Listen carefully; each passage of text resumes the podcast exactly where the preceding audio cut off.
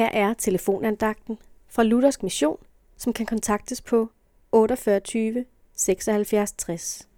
Andagtsholderen i dag er Per Madsen. Jesus viste omsorg for de syge, dengang han vandrede omkring hernede på jorden.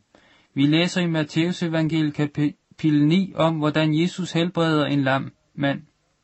Men det var ikke det første, som Jesus gør ved den, denne mand. Nej, det første Jesus gør ved den lamme mand, er at tilgive ham hans synder. Altså, han får tilgivelse for, hvad han har gjort forkert.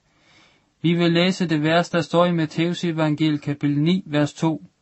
Og se, der kom nogle til Jesus med en lam, der lå på en seng. Da Jesus så deres tro, sagde han til den lamme, Vær frimodig, søn, dine sønder tilgives dig. For Jesus var det vigtigt at tilgive sønder hos dem, som kom til ham.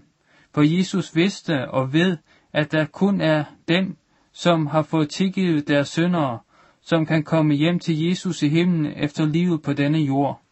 Jesus kunne tilgive og tilgive syndere, fordi han gik i døden i stedet for dig og mig, ja for alle mennesker.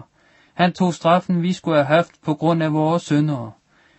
Efter at Jesus havde tilgivet den lamme hans syndere, så forsvarer Jesus, at han tilgav den lamme hans synder, og derefter helbreder han ham, som vi læser i Matteus evangeliet kapitel 9, vers 6 og 7. Men for at I skal vide, at menneskesønnen har myndighed på jorden til at tilgive synder, der siger Jesus til den lamme, Rejs dig, tag din seng og gå hjem, og den lamme rejste sig og gik hjem. Ja, Jesus har omsorg både for sjæl og lægeme. Det vil vi sige ham tak for. Kære Jesus, det skal du have tak for. Amen.